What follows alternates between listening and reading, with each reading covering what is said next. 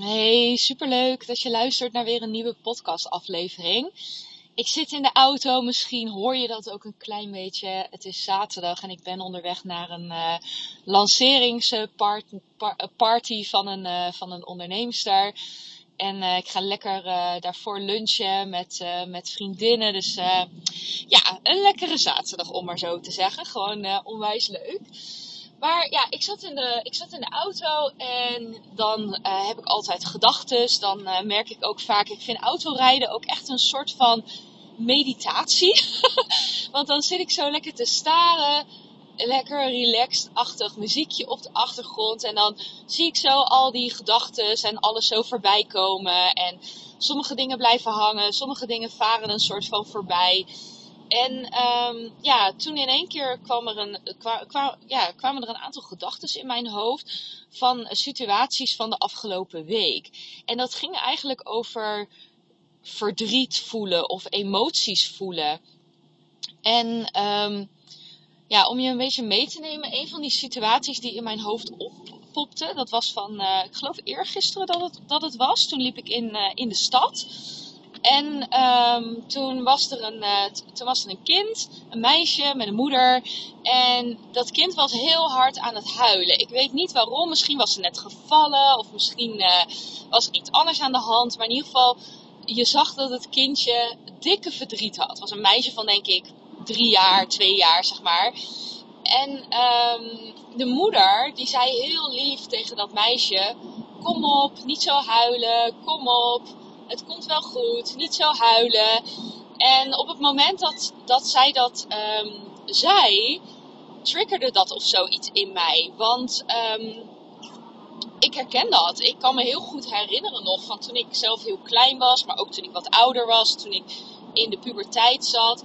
Dat, um, ja, hoe goed mijn ouders dat ook bedoelden, ook vaak tegen mij zeiden als klein meisje: Kom op, niet huilen, het komt wel goed niet verdrietig zijn. en um, ja, toen realiseerde ik me ook dat dat best wel, ja, best wel gek is. Dat we allemaal hebben een bepaalde set emoties. Um, een aantal basisemoties, waaronder natuurlijk verdriet, boosheid, uh, plezier, uh, frustratie. Ik weet ze niet precies uit mijn hoofd welke nou onder de basisemoties vallen. Maar in ieder geval, we hebben een palet met emoties gekregen. Um, en vervolgens worden we eigenlijk zo geconditioneerd en geprogrammeerd dat maar een heel klein gedeelte van die emoties, eigenlijk maar één van die emoties, er altijd mag zijn. En dat is geluk, plezier, lachen, het fijn hebben. Terwijl we eigenlijk veel meer andere emoties hebben dan geluk, zeg maar. Want we hebben natuurlijk ook boos, verdriet, frustratie. Um, nou, noem het maar op. En dat daar op de een of andere manier vanuit maatschappelijk perspectief eigenlijk weinig ruimte voor is om die emoties te ervaren. Want ik denk dat, we, dat deze situatie die ik nu omschrijf met een moeder en een kind, wat mij triggerde en me terugbracht naar mijn jeugd en naar mijn leven, waarin dat best wel vaak tegen mij gezegd is. Uh, en nog steeds wel eens tegen mij gezegd wordt hoor. Nog steeds wel eens als ik heel verdrietig ben of hel. Dat mensen goed bedoeld, weet je, want ik, ik geloof er echt niet in dat mensen, het, de, ja, dat mensen het kwaad bedoelen. Maar goed bedoeld, ook weer vanuit hun conditionering en programmering zeggen.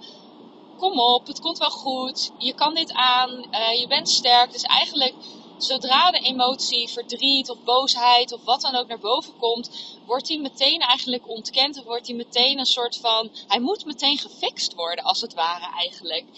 En dat zie ik bijvoorbeeld ook heel vaak in mijn één op één coaching sessies. Um, nou, daar vallen natuurlijk ook wel eens tranen. Want we gaan, uh, we gaan, ja, we gaan soms echt behoorlijk diep op bepaalde thema's. Ook uh, als ik merk van hé. Hey, er is iets wat je mag zien en ik voel dat ik jou daarmee mag confronteren. Uh, natuurlijk heel liefdevol en ik vraag het ook altijd, is dat iets wat ik doe?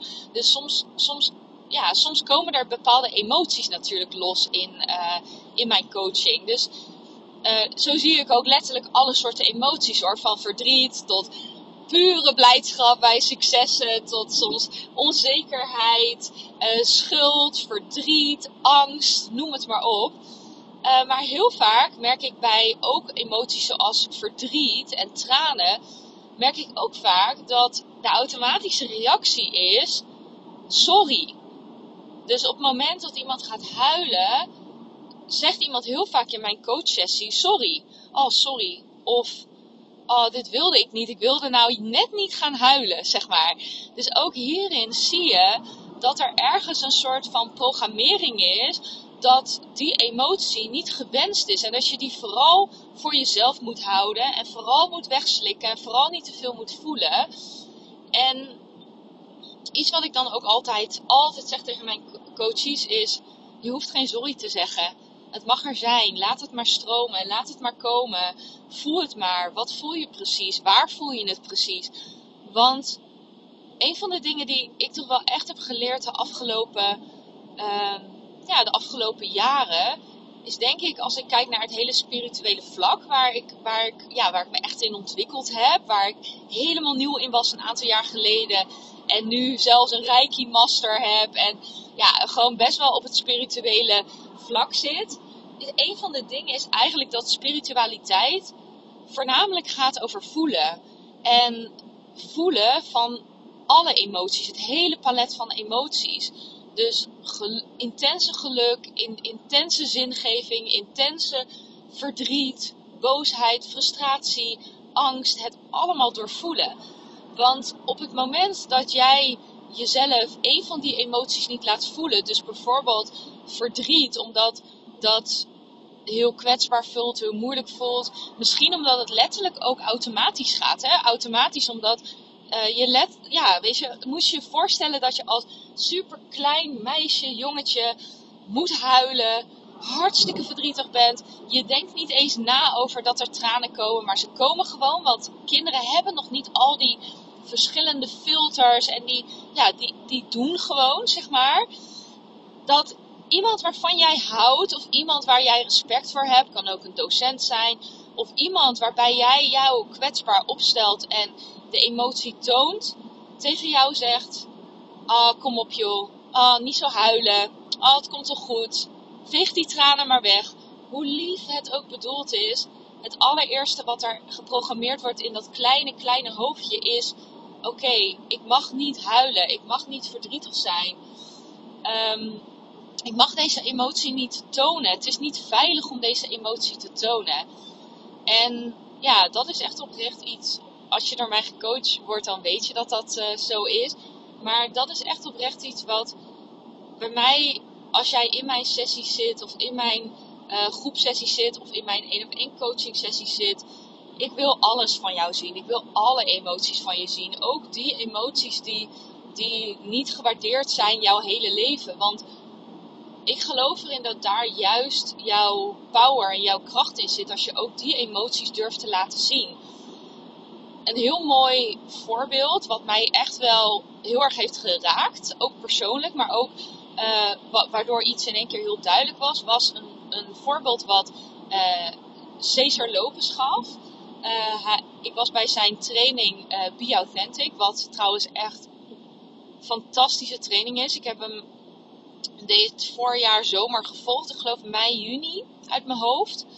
En um, ja, echt gewoon letterlijk life-changing voor mij geweest. En um, op een gegeven moment um, ja, tekende hij zeg maar een hartslag. Weet je wel, een hartslag. En ja, een hartslag, een goede hartslag, ziet eruit. Een piek naar beneden, een piek naar beneden, een piek naar beneden, een piek naar beneden dat is een normale hartslag. En toen trok hij een rechte lijn. En dat, we weten allemaal dat als dat, ja, als dat symbolisch staat voor jouw hartslag, dat is geen goed teken. Dan ben je letterlijk dood als er een rechte lijn is. En een metafoor was zo krachtig, omdat eigenlijk proberen wij allemaal massaal naar die rechte lijn toe te gaan, onszelf af te vlakken, af te vlakken naar één emotie, namelijk alleen maar die, die pieken in, in, als je het met een hartslag vergelijkt, Alleen op het moment dat we dat doen, kunnen we niet eigenlijk voluit leven. Zullen we nooit het leven helemaal voelen en helemaal ervaren en helemaal ja, in, in alles wat het, wat het heeft.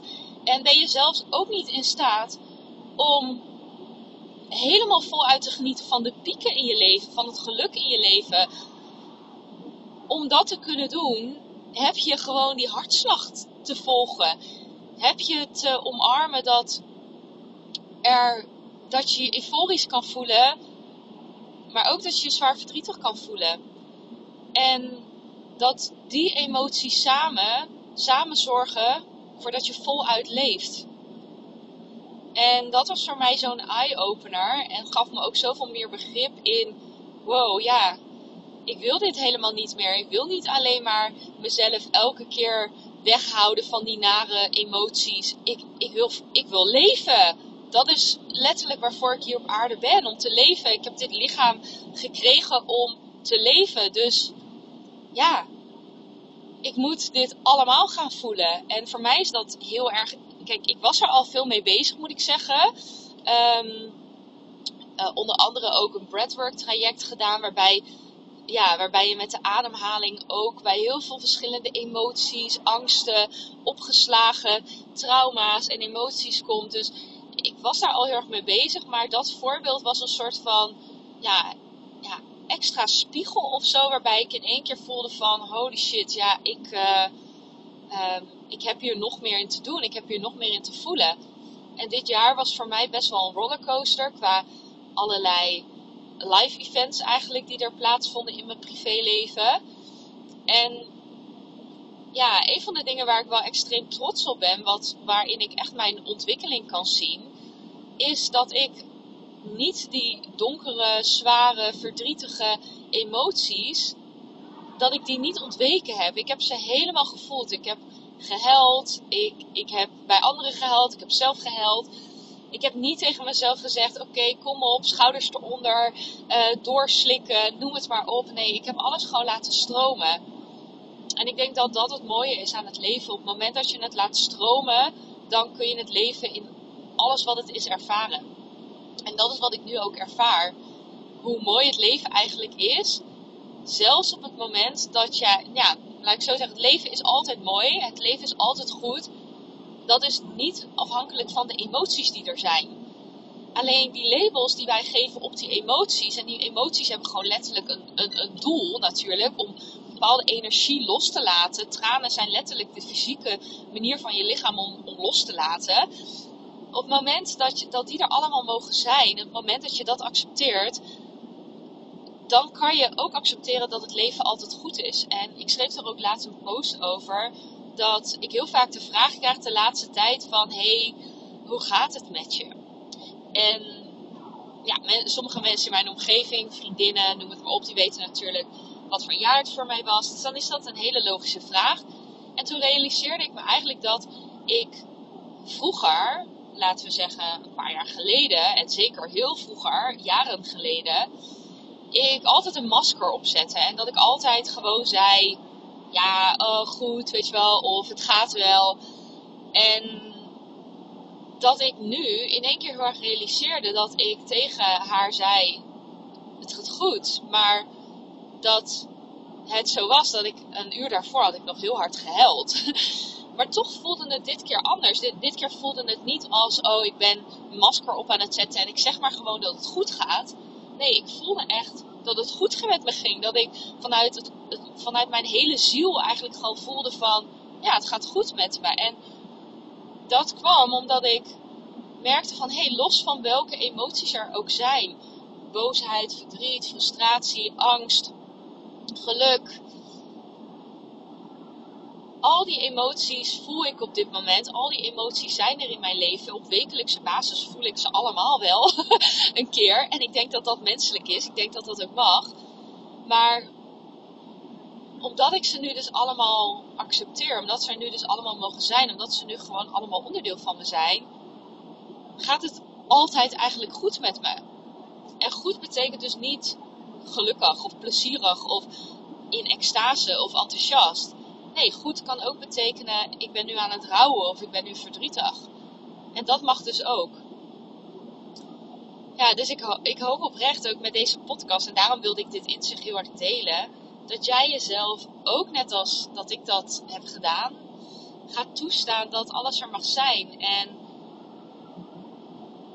ja, door je ook bewust te worden op het moment dat je misschien wel, ja, wanneer je verdrietig bent, misschien wel merkt van dat je sorry zegt, of dat je je tranen wegslikt, of dat je schouders eronder, eronder tegen jezelf eigenlijk zegt, jezelf moed inpraat. Dat je misschien de volgende keer tegen jezelf wil zeggen. En ik word er zelfs echt een beetje emotioneel van. Maar dat je tegen jezelf gewoon zegt: hey, het is gewoon oké. het is oké, ik mag dit voelen. En ja, waarom ik er gewoon zo emotioneel van word, is omdat ik letterlijk gewoon. Ik, ja, ik zie dit letterlijk iedere dag. Iedere dag als ik mensen coach, zie ik dat die gevoelens er niet mogen zijn. Dat we sorry moeten zeggen daarvoor. Wat is dat voor bullshit? echt serieus. Wat is dat voor bullshit? Ik wou echt zo erg dat ik, dat ik dit eerder wist. dat alles er mag zijn. Dus ja, je, je hoort het. het doet me heel veel. En ja, ik hoop dat jij jezelf dit gunt. Ehm, ik ga de podcast afsluiten.